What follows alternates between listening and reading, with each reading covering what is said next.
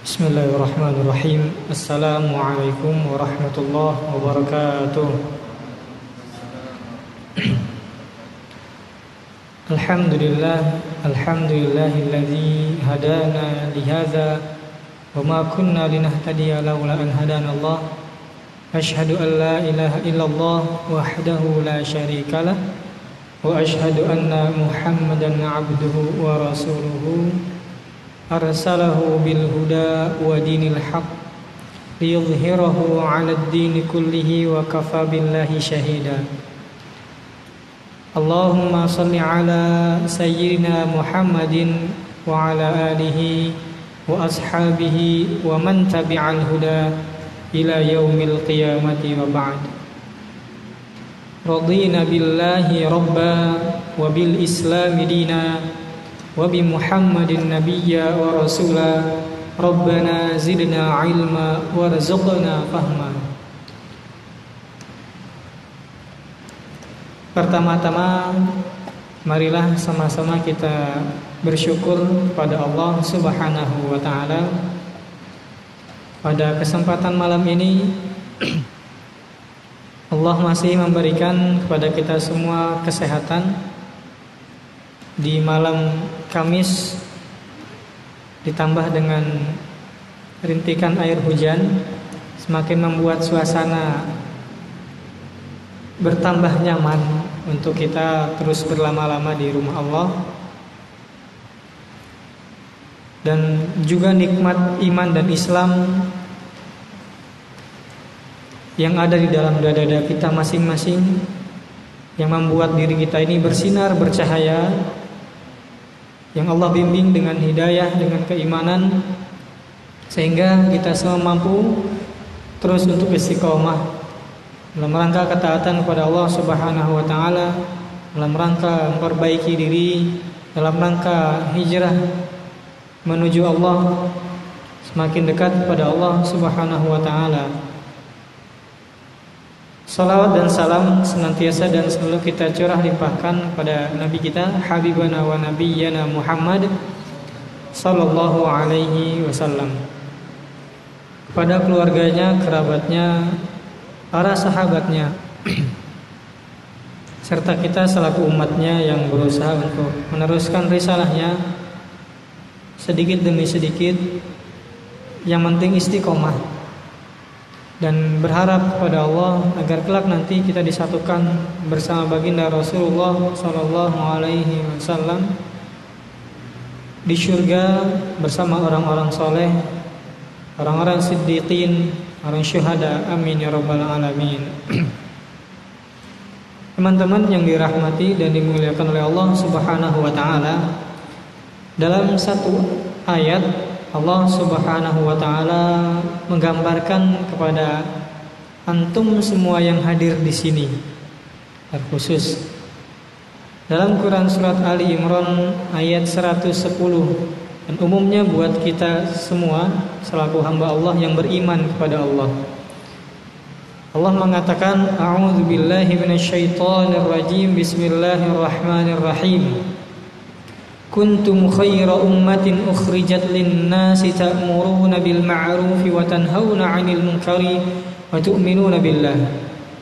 Al-ayah yang artinya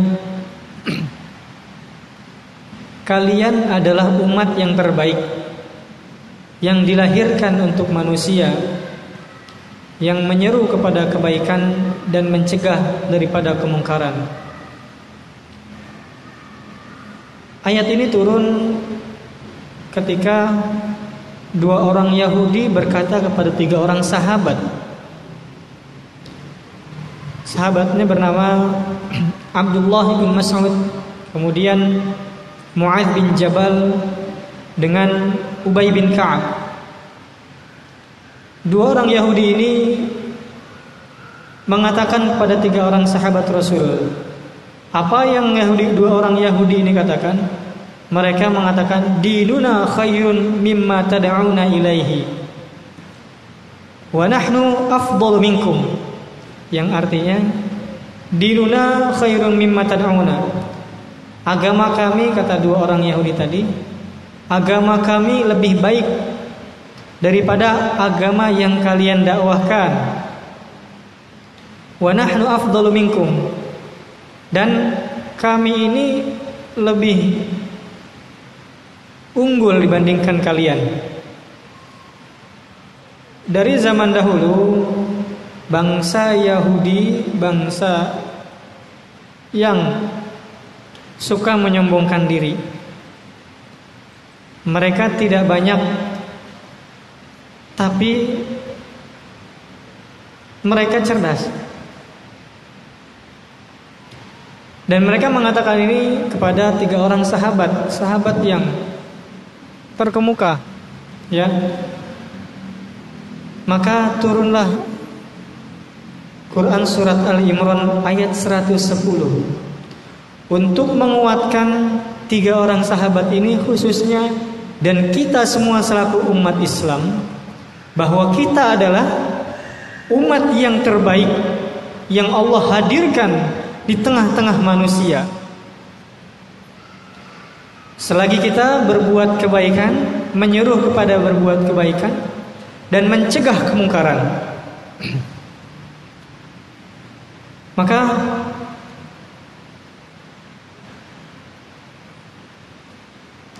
ayat tadi menjadi gambaran buat kita bahwa hari ini kita masih menjadi yang terbaik di sisi Allah Subhanahu wa taala. Sampai akhir zaman.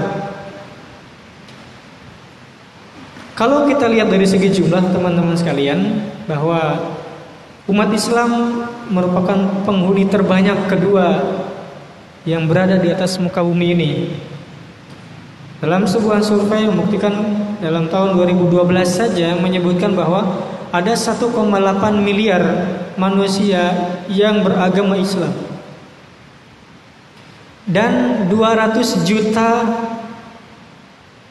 yang terbanyak ada di negara kita ini, yaitu negara Indonesia. Yang mayoritasnya adalah penduduknya beragama Islam. Dari segi jumlah kita sudah banyak. Kalau mau kita hitung-hitungan jumlah antara jumlah kita hari ini dengan jumlah kita waktu awal-awal munculnya Islam ketika Rasulullah SAW mengawali agama ini itu banyakkan mana? Jelas banyakkan sekarang. Tapi ternyata tidak bisa kita nikmati Tidak bisa kita rasakan bahwa hari ini kita hanya difokuskan ketika kita menjadi pribadi yang muslim, kita hanya disibukkan dengan urusan-urusan pribadi kita masing masing-masing. Akhirnya dari umat yang banyak ini 1,8 miliar dan 200 juta berada di negara Indonesia ini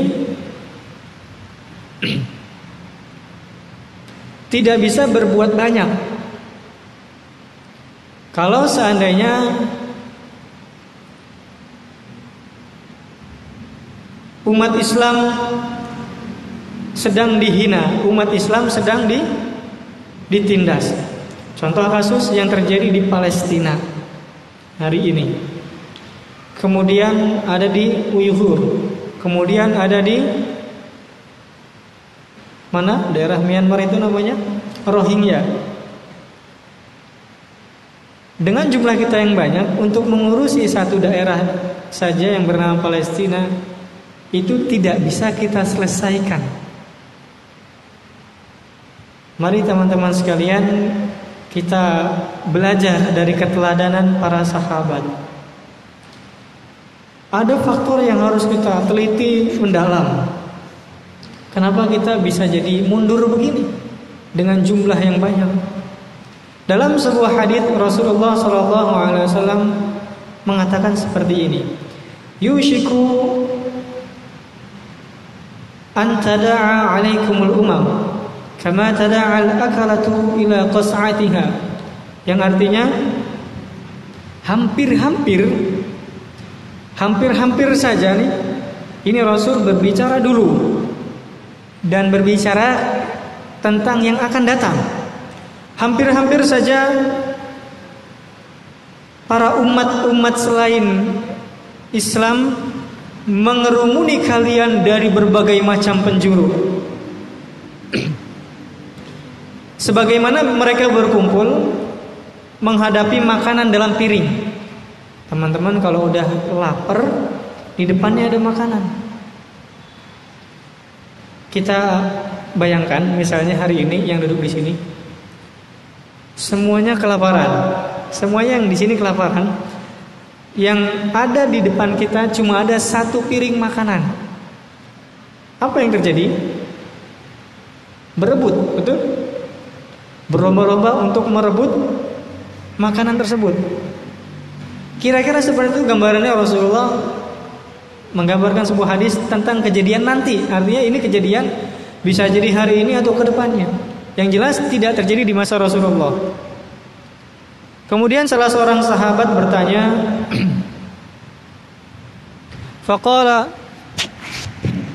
Faqala qailun wa min qillatin nahnu yawma idzin Seorang sahabat bertanya, "Ya Rasulullah, apakah pada waktu itu, pada masa itu, artinya bicarakan yang disebutkan tadi, kita ini jumlahnya sedikit.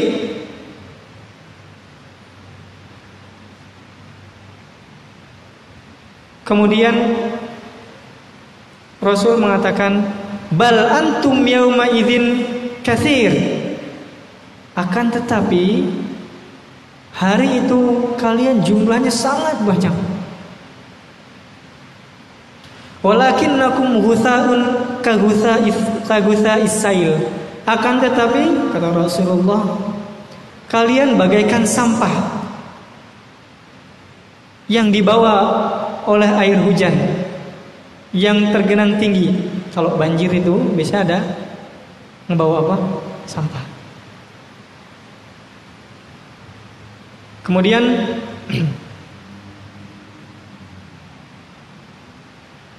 yanzi'anna Allah min suduri aduwikum al-mahabah minkum. Allah menghilangkan rasa takut pada musuh-musuh kalian. Jadi musuh Islam udah nggak takut lagi sama Islam. Faktor berikutnya Rasul mengatakan wala yaqdhifannallahu fi qulubikumul wahan. Kemudian dan akan menimpa hati kalian satu virus. Virus apa itu? Rasul mengatakan virus wahan. Nah, cocok kan hari ini? Akan menimpa satu virus kepada umat Islam yang namanya virus wahan. Pakai A ya. Kemudian Bertanyalah salah seorang sahabat, "Wama al-wahnu?"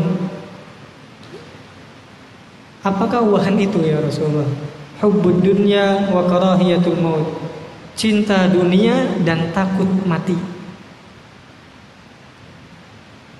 Teman-teman sekalian, hadis ini kalau kita teliti menjadi sebab kemunduran umat Islam pada hari ini dan menjadi sebab kemunduran generasi dari generasi sehingga yang hadir hari ini generasi adalah generasi yang terkena virus Wuhan. Virus apakah itu? Mereka yang sangat mencintai dunia. Ini perlu kita jabarkan lagi. Mencintai dunia ini kalau kita detailkan itu banyak sekali, betul? Kategori mencintai dunia kalau mau dispesifikkan untuk yang hadir di hari ini, apa kira-kira dunia yang dicintai? Di usia antum hari ini kurang lebih usia 25-an, betul? 22, 23, 24, 25. Ya, ada yang di bawah 20. Ada ada yang di bawah 20. Ya. Bahkan usia semenjak di atas 18, 15, ya 18 tahun ke atas itu kan usia generasi generasi pemuda sebutannya, betul? Generasi yang hadir hari ini banyak terkena virus wahan dan dispesifikasikan di tingkatan anak muda hari ini banyak terkena virus cinta terhadap dunia. Detailkan lagi coba dunianya apa sih? Mencintai sesuatu selain Allah. Sehingga yang dipikirannya hanya memuaskan nafsunya saja. Karena kaitannya cinta yang tanpa didasari dengan keimanan kepada Allah larinya adalah naf nafsu. Mundurnya umat hari ini jangan salahkan siapa-siapa. Salahkan diri kita yang tidak peduli kepada umat, tidak peduli kepada generasi dan fokus mementingkan diri sendiri. Dan kita jarang belajar daripada umat-umat terdahulu di usia yang begitu muda menciptakan kreasi yang begitu gemilang. Karena mereka betul-betul mencintai Allah melebihi segala-galanya. Penyakit kita hari ini anak muda di usia-usia sekitar kita untuk urusan mencintai, mohon maaf, mencintai lawan jenis saja tidak mampu menaklukkan dirinya. Betul teman-teman? Ya. Untuk urusan mengontrol cinta terhadap lawan jenisnya saja itu masih kesusahan. Bagaimana akan mungkin menghadirkan generasi yang hebat? Mari kita belajar dari salah seorang sahabat. Di usianya yang muda, usia sekitaran 25 tahunan. Dia adalah sesosok pemuda yang tampan.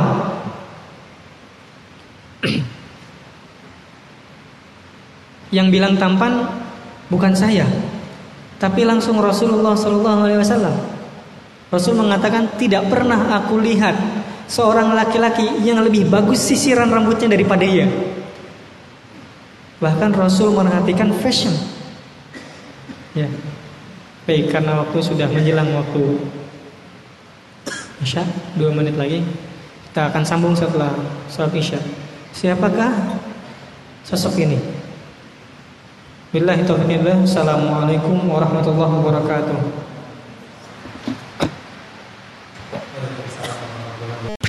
Bismillahirrahmanirrahim. Assalamualaikum warahmatullahi wabarakatuh. Alhamdulillah, salatu wassalamu ala Rasulillah wa ala alihi wa man wala. Baik, kita lanjutkan pembahasan kita di sesi pertama tadi. Kita akan bahas dan mengambil keteladanan dari sesosok laki-laki pemuda yang tampan. Mungkin kalau dibandingkan sekarang kayaknya kalau sanatnya yang bilang tampan itu orang biasa mungkin banyak. Tapi yang bilang tampan adalah baginda Rasulullah Shallallahu Alaihi Wasallam. Langsung Rasul yang bilang. Bahkan dalam sebuah riwayat Rasulullah SAW bersabda,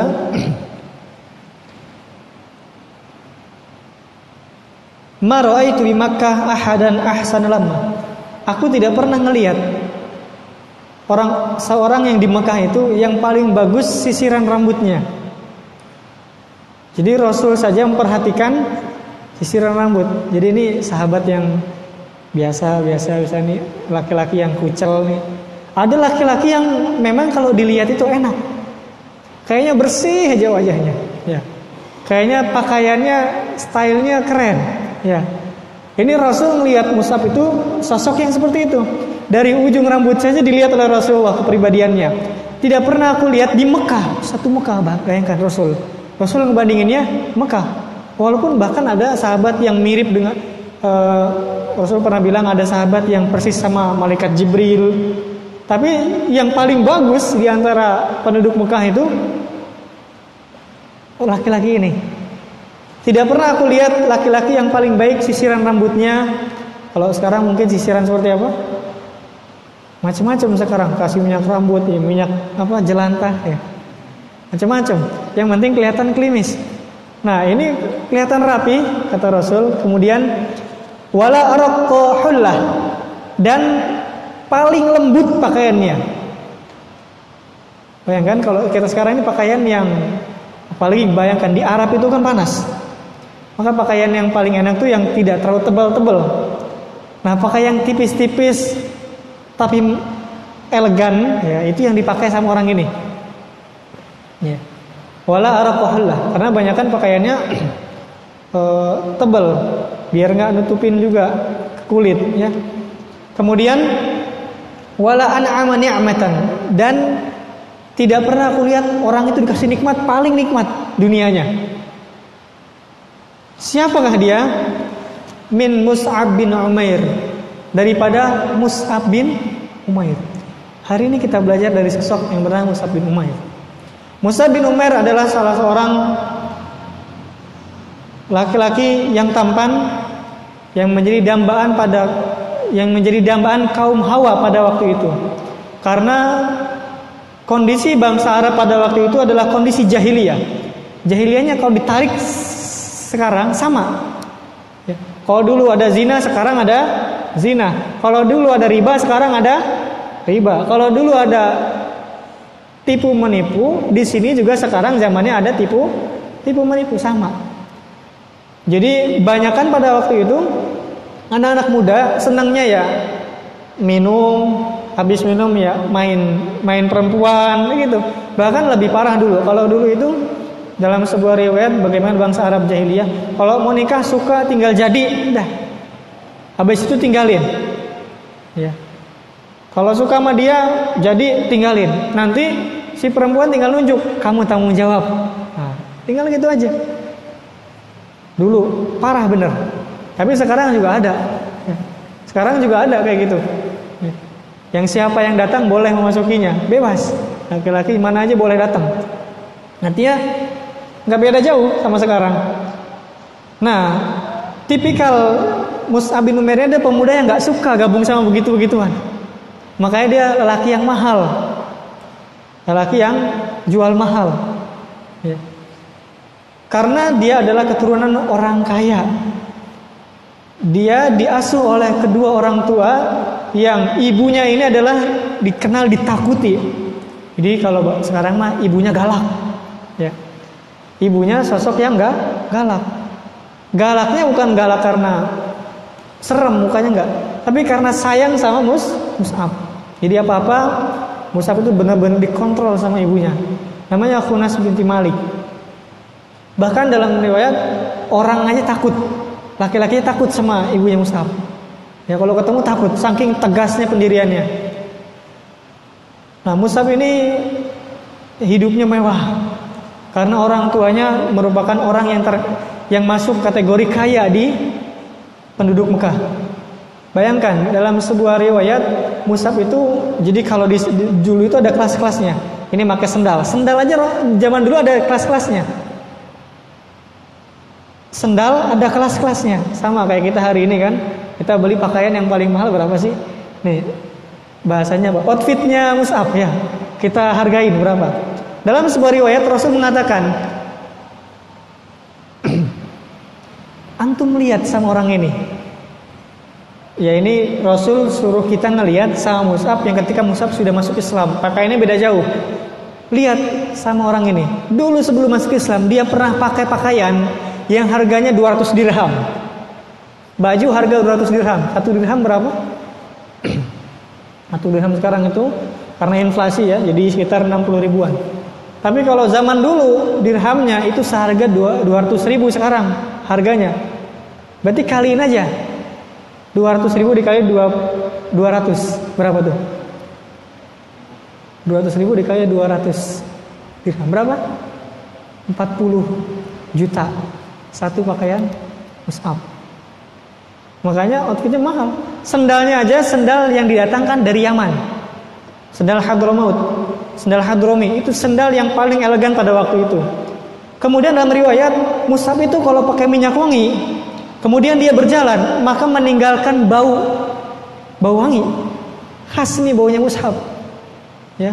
Kalau dia berjalan, nah itu di di belakang mushab berapa radius, berapa meter, berapa kilo bahkan ya. Itu kecium, ini bau mushab. Pernah ketemu orang yang kalau jalan kecium semeriwing wanginya? Pernah? Saya pernah cabai-cabean kalau lewat. gitu ya, semeriwing. Aduh, Macam-macam baunya itu. Tapi kalau ini khas, baunya mahal. Ya, emang nggak ada yang punya. Bahkan dirayakan Musab itu terkenal orang yang bersih rumahnya dan paling khas ciri bau minyak wanginya. Jadi nggak ada yang nggak ada yang bisa samain bau minyak wanginya. Emang khasnya Musab begitu. Jadi kalau kita lihat ini orang udah orang kaya benar. Dalam riwayat bagaimana nikmatnya Musab. Musab itu kalau dia lapar tinggal makan dan ketika tidur di sampingnya disiapkan makanan oleh ibunya. Lapar tinggal makan, tidur bangun ada makanan. Enak bener kan? Ya. Kalau kita kan minimal ke warteg dulu kan beli lauk, masak nasi, pakai magicom kan begitu. Gue sama nggak perlu di samping udah ada. Saking sayangnya ibunya sama Musa. Kemudian datanglah cahaya Islam di bawah Rasulullah SAW. Awal mula Islam yang menjadi perbincangan seantero kota Makkah pada waktu itu. Sehingga Rasul berdiri di bukit Sofa Hmm. kemudian mengatakan pada para pembesar kaum Quraisy, kalian percaya nggak kalau hari ini saya bilang di belakang kita ini ada musuh? Kalian percaya semuanya? Maka para pembesar Quraisy mengatakan, ya kami percaya kalau kamu adalah orang jujur Muhammad. Kemudian Nabi Muhammad mengatakan, ketahuilah bahwa aku ini adalah Rasulullah. Ya, baru dibilang ini orang gila, ini orang baru bilang gitu ya. Pas bilang Rasulullah pada bilang gila. Nah, hal ini membuat gaduh seantara kota Mekah. Pembesar kaum Quraisy resah terhadap adanya keberadaan Nabi Muhammad Shallallahu Alaihi Wasallam. Musa bin Umair, sosok pemuda yang cerdas, karena bukan pemuda biasa. Dia masuk ke dalam eh, kalau sekarang ini kayak kita DPR-nya lah, Musa pemuda di antaranya yang bisa masuk ke Darun Nadwa, yang ikut kumpul bareng Abu Jahal boleh dia duduk. Di mana pemuda-pemuda lain lagi sibuk minum, dicampur dioplos pakai apa? Ya susu campur obat begitu kan dioplos ya. Ketika anak muda seumuran dia sibuk ngurusin main main apa main cewek minum minuman, Musa enggak. Dia duduknya di mana? Duduknya di DPR-nya pada waktu itu. Beda kelas kan? Maka dia menjadi dambaan para wanita pada waktu itu. Kemudian masuklah cahaya Islam sedikit demi sedikit ke dalam hatinya. Dia memperhatikan ini ada sesuatu yang menarik. Ketika Musa bin Umair melihat di pojokan itu di bukit sofa di bawahnya ada rumah salah seorang sahabat, rumah Artom yang menjadi titik pertemuan pertama Titik sentral pertama dakwah Nabi untuk mengumpulkan orang-orang yang ingin dibawa ke, ke dalam agama Islam, maka Mus'ab pun di belakangnya mengikuti rombongan-rombongan tersebut. Kemudian masuklah Mus'ab ke dalam rumah dan cahaya Islam masuk ke dalam hatinya. Apakah selesai masalah? Selesai masalah? Ternyata di sini masalah mulai. Ketika Mus'ab sudah menentukan suatu pilihan bahwa saya harus jadi lebih baik lagi. Padahal dia sudah baik, dia sudah kaya. Kedudukan dia punya. Kenikmatan dia ada. Ya. Tapi yang dia nikmati hari pada waktu itu bukan menjadi puncaknya apa yang di dalam hatinya. Sehingga mendapati Islam kemudian menjadi yang terbaik di dalam hati Mus'ab. Yang menjadi cahaya dalam sebuah riwayat dikatakan Rasul sampai mengatakan antum kalau melihat-lihat orang itu karena di dalam hatinya sudah disinari dengan cahaya. Islam yang menjadikan hati Mus'ab bercahaya. Kemudian ujian-ujian buat Mus'ab datang. Apa ujian terdekatnya? Dia tidak takut oleh orang lain. Ujian yang paling dia takuti adalah ibunya sendiri. Karena ibunya sangat sayang sama Mus'ab dan Mus'ab pun sayang sama ibunya. Dia sepulang dari pertemuan bersama Rasul di Darul Arqam, kemudian kembali ke rumahnya, dia masih menyembunyikan keislamannya. Tapi tidak pernah ada yang bisa disembunyikan di Mekah. Semuanya pasti ketahuan. Suatu ketika Tolhah bin Osman melihat Musab ikut masuk ke rumah Arkom. Akhirnya diberitahulah cepat ke ibunya. Sehingga ibunya tahu kalau Musab itu mengikuti agamanya Muhammad Shallallahu Alaihi Wasallam.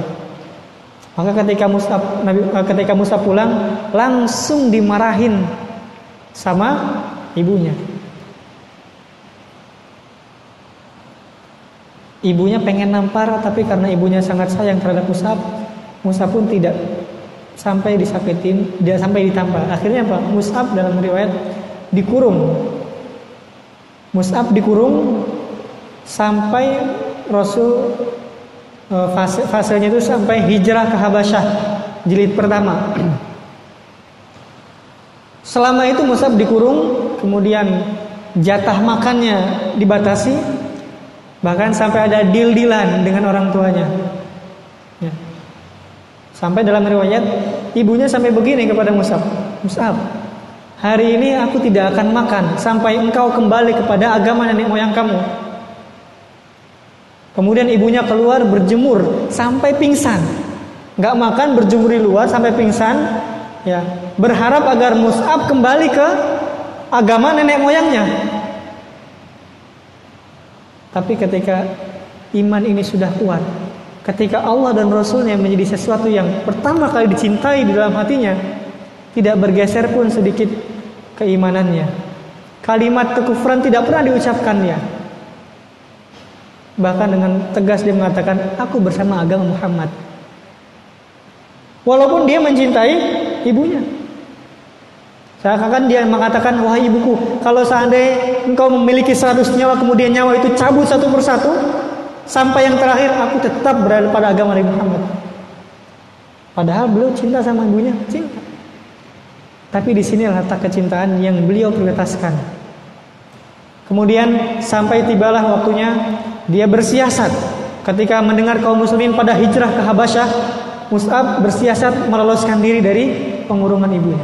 Dari sinilah perubahan Mus'ab dimulai. Gayanya yang tadinya sebelum masuk Islam semuanya ada. Parfum paling wangi, pakaian paling mahal, sendal paling mahal, rambut paling bagus. Ketika disiksa, dikurung, kemudian ikut hijrah ke Habasyah, Rasul mengatakan sambil menangis, Rasul mengatakan kepada sosok Muslim, Unzuru ila hadzal ladzi nawwarallahu qalbah Antum lihat sama orang ini yang cahat, yang hatinya sudah dipenuhi dengan cahaya iman. Laqad ra'aituhu baina abawaini yaghzuwanihi bi atyabit ta'ami wasyarab. Rasul mengatakan, sungguh aku melihat orang ini itu punya orang tua yang dulu memberikannya fasilitas makanan yang paling mewah, yang paling nikmat, yang paling baik. Rasul bilang begitu. Walaqad ra'aitu alaihi hullatan. Dan aku juga pernah melihat kata Rasul. Rasul juga sampai memperhatikan bahwasanya dia pernah memakai baju yang dibelinya dengan harga 200 dirham. Fada'ahu hubballah. Kemudian hatinya diajak mencintai Allah wa rasuluh dan juga mencintai Rasulullah ila ma tarawna Sampai seperti yang antum lihat hari ini. Berubah 100% kondisi Mus'ab. Maka Mus'ab menjadi orang yang fasilitas dunianya diputus ketika masuk ke dalam is Islam. Bahkan dalam sebuah riwayat dikatakan Mus'ab pernah ketika mendatangi Rasul ketika setelah pulang dari hijrah dari Habasyah kembali ke Mekah kemudian ketemu sama para sahabat dan Rasul, dia menggunakan sarung yang hanya menutupi sebagian badannya saja. Kemudian sebagiannya lagi ditambal dengan kulit. Kulit apa? Kulit yang dikeringkan dari kulit domba. Bayangkan coba, kulit domba kan kalau dikeringin keras, dijadikan tambelan sarungnya. Sehingga Rasul lihat Musab ini sedih. Bahkan di dalam akhir hayatnya Musab, Antum tahu warisan Mus'ab ketika meninggal dunia hanya pakaian itu yang diwariskannya. Mus'ab tidak meninggal hanya mewariskan satu helai pakaian saja itu satu lembar itu. Ketika ditarik untuk menutupi kepalanya, maka bawahnya kelihatan. Ketika ditarik untuk menutupi kakinya, maka kepalanya kelihatan. Sehingga Rasul mengatakan, tambahkan di untuk menutupi Mus'ab dengan kain bekas. Sampai Rasul mengucapkannya dengan menangis. Kenapa Rasul menangis? Karena Rasul tahu orang ini orang hebat. Pemuda ini bukan pemuda sembarangan. Bagaimana kisah sepak terjangnya? Bahwa Mus'ab bin Umair radhiyallahu anhu adalah orang yang berguru kepada Rasulullah SAW. Usianya beda 14 tahun dari Rasul. Kalau Rasul usia ketika diutus 40 berarti usia Mus'ab berapa? Sekitar 24 bedanya sampai 25. Berarti usia berapa? Usia berapa? 40 dikurangi 14 sampai 15 tahun. Usianya sekitar 25-an, 20-an, 20 ke atas. Kemudian dia berguru sama Rasul, dididik sama Rasul, kemudian ditugaskan khusus oleh Rasulullah SAW. Dan tugasnya sangat berat. Ketika sebagian penduduk dari Madinah kemudian datang ke Mekah untuk minta diajarin, ketika peristiwa Bayatul Aqobah pertama, ada sekitar tujuh orang berbayat kepada Rasul agar senantiasa tidak syirik kepada Allah, kemudian kembali ke Madinah yang waktu itu menjadi titik yang ke depannya akan titik hijrah Rasulullah. Mereka membutuhkan guru. Siapa yang Rasul utus? Rasulullah SAW mengutus seorang anak muda. Ialah Musab bin Umair yang menjadi duta besar Islam di Madinah. Yang dulu ketika di Mekah dia hanya fokus dengan kesabaran, sabar dengan siksaan-siksaan yang dihadapinya. Ketika di, di Madinah dia menjadi visioner. Sehingga hampir setengah penduduk Madinah itu masuk atas tangan Mus'ab. Bahkan pembesar-pembesarnya itu berhasil masuk ke daya berkat tangan atas Mus'ab. Pernah dikisahkan ketika Mus'ab pertama kali bertemu dengan pembesar uh, kaum Aus dan Khajrat di Madinah. Salah seorang sahabat kaum muhajirin bernama As'ad bin Zurarah. Orang yang pertama kali Islam juga di Madinah. Menjadi teman partner pertama dakwah Mus'ab. Kemudian yang dia dakwahi adalah pemimpin kaumnya. Lihat, Mus'ab itu bukan cuma ngincer yang biasa-biasa aja. Ah, yang biasa aja lah. Enggak. Mus'ab mengincar yang paling tinggi siapa? Pemuka kaum di Madinah pada waktu itu. Bagaimana dia berdialog dengan Mus'ab dalam satu majelis saja satu kali duduk dengan Mus'ab langsung dapat hidayah. Bagaimana cerdasnya anak muda ini? Ketika dia tahu dia akan diusir oleh pemuka kaumnya, kemudian dia akan pasti diasingkan. Apa yang pertama kali diucapkan oleh Mus'ab bin Umair?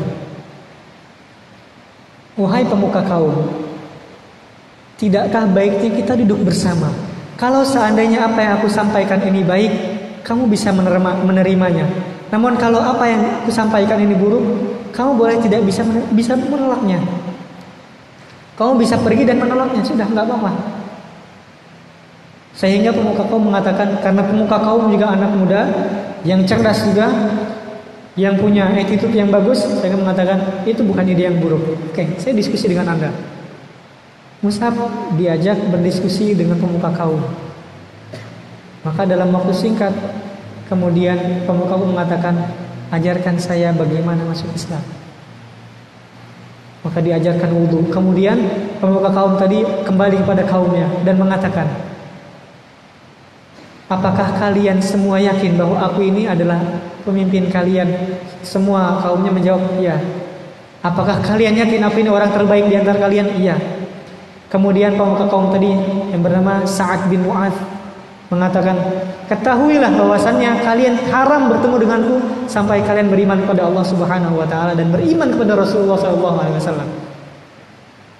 Akhirnya satu kampung, satu kaum langsung masuk Islam.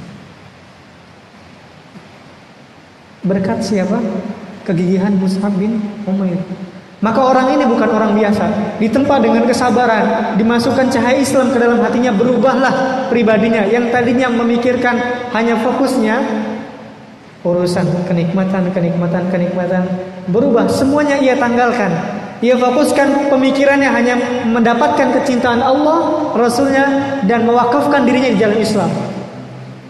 Sehingga Islam butuh orang-orang seperti ini. Kalau bukan karena mental baja seperti Mus'ab, mustahil Madinah itu bisa dibuka. Dan hari ini menjadi pertanyaan buat kita juga, kalau bukan kita hari ini teman-teman yang memiliki mental seperti Mus'ab dan pribadi yang kuat, keimanan yang kuat kepada Allah seperti Mus'ab, maka mustahil kita bisa merubah generasi. Kalau hari ini fokus kita di depan kita hanya kecintaan kepada pasangan kita, orang tua kita, harta kita, rumah kita, kontrakan kita, kendaraan kita, perdagangan kita, itu yang hanya kita cintai saja, maka mustahil generasi ke depan akan menjadi generasi yang terbaik. Tidak akan mungkin khairu ummah muncul daripada tangan-tangan orang yang mentalnya lemah. Orang yang cintanya kepada kepada dunia saja dan tidak memikirkan Allah dan Rasulnya serta umat Islam. Maka kiranya teman-teman yuk sama-sama kita introspeksi pada malam ini. Dari usia yang sudah Allah berikan kepada kita, ternyata kita ini jauh daripada sejarah masa lalu. Bahwa sejarah masa lalu menjadikan motivasi ke depannya buat kita bahwa kita ini punya peran penting untuk memperbaiki generasi ke depannya. Dimulai dari siapa? Dari pribadi kita masing-masing. Dan dimulai dari keimanan kita kepada Allah Subhanahu wa taala. Jangan sampai kita lebih memikirkan apa yang Allah hamparkan daripada dunia ketimbang memikirkan urusan urusan akhirat. Jangan sampai kita fokus memikirkan perkakas-perkakas dunia dan miskin terhadap ilmu akhirat, miskin terhadap ilmu Islam, miskin terhadap ilmu agama, dan cenderung antipati bahkan benci terhadap ilmu-ilmu akhirat. Jangan sampai kita menjadi pribadi yang kaya terhadap dunia namun miskin dalam amal terhadap akhirat. Cinta terhadap dunia namun benci terhadap akhirat. Nauzubillah. Maka semua dimulai daripada diri kita masing-masing teman-teman. Ini baru satu sosok yang kita gambarkan pada hari ini. Maka Rasul mengatakan, lihatlah kepada orang ini. Unzuru ila hadzal rajul. Bagaimanakah kisah akhirnya Mus'ab? Ya, kesatria itu pasti akan berakhir seperti kesatria. Musab bin Umair wafat pada perang Uhud. Dia menjadi orang yang syahid. Dia mengorbankan darahnya di jalan Allah Subhanahu wa taala. Ketika Musa bin Umair membawa bendera sebagai panji-panji keislaman pada waktu itu, maka bendera ini sebagai simbol yang tidak boleh jatuh ke tangan. Maka Musa bin Umair dibunuh oleh kaum kafir Quraisy yang menyangka bahwa yang megang bendera adalah Rasul. Kaum kafir Quraisy, salah seorang kafir Quraisy menebas tangan Mus'ab agar bendera itu jatuh. Kemudian dipeganglah bendera tersebut dengan tangan kirinya. Kemudian ditebas tangan kiri Mus'ab, kemudian diapit oleh kedua tangannya. Sampai kemudian raganya tidak mampu lagi untuk mengangkat bendera.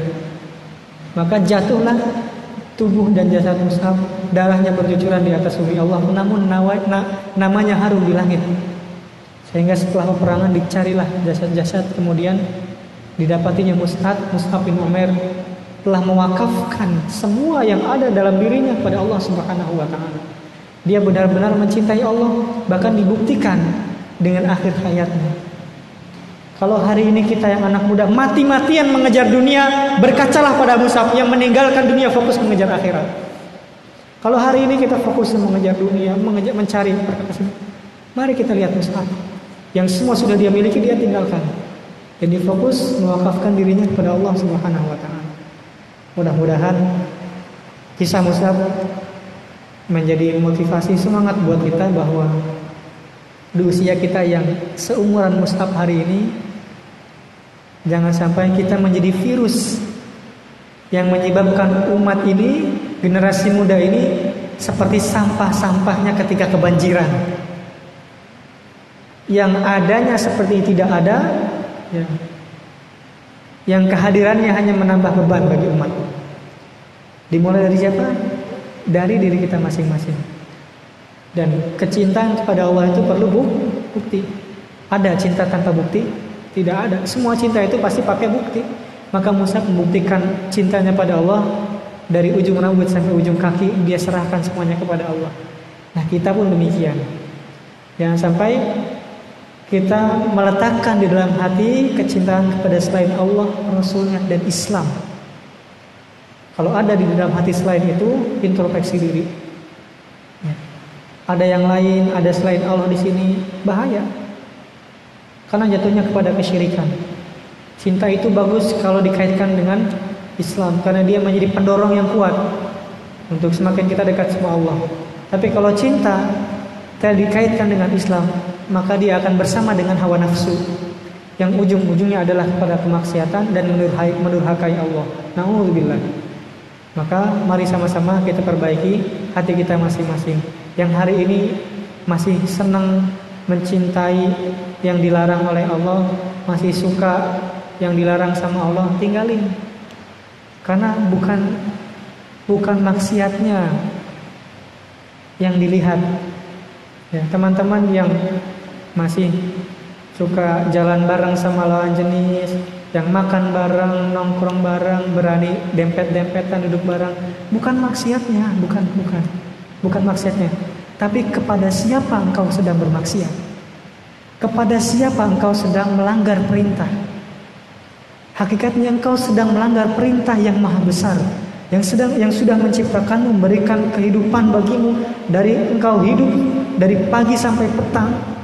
Kemudian kamu tinggalkan perintahnya, kamu abaikan arahannya. Ini yang harus kita pikirkan. Maksiat itu bukan kecilnya. Tapi kepada siapa kita bermaksiat? Kita bermaksiat kepada Allah. Semua kemaksiatan adalah bentuk pelanggaran kepada Allah. Maka khawatir justru yang sedikit ini membekas di hati dan itu menjadi besar karena hati ini menganggapnya sepele dan ringan.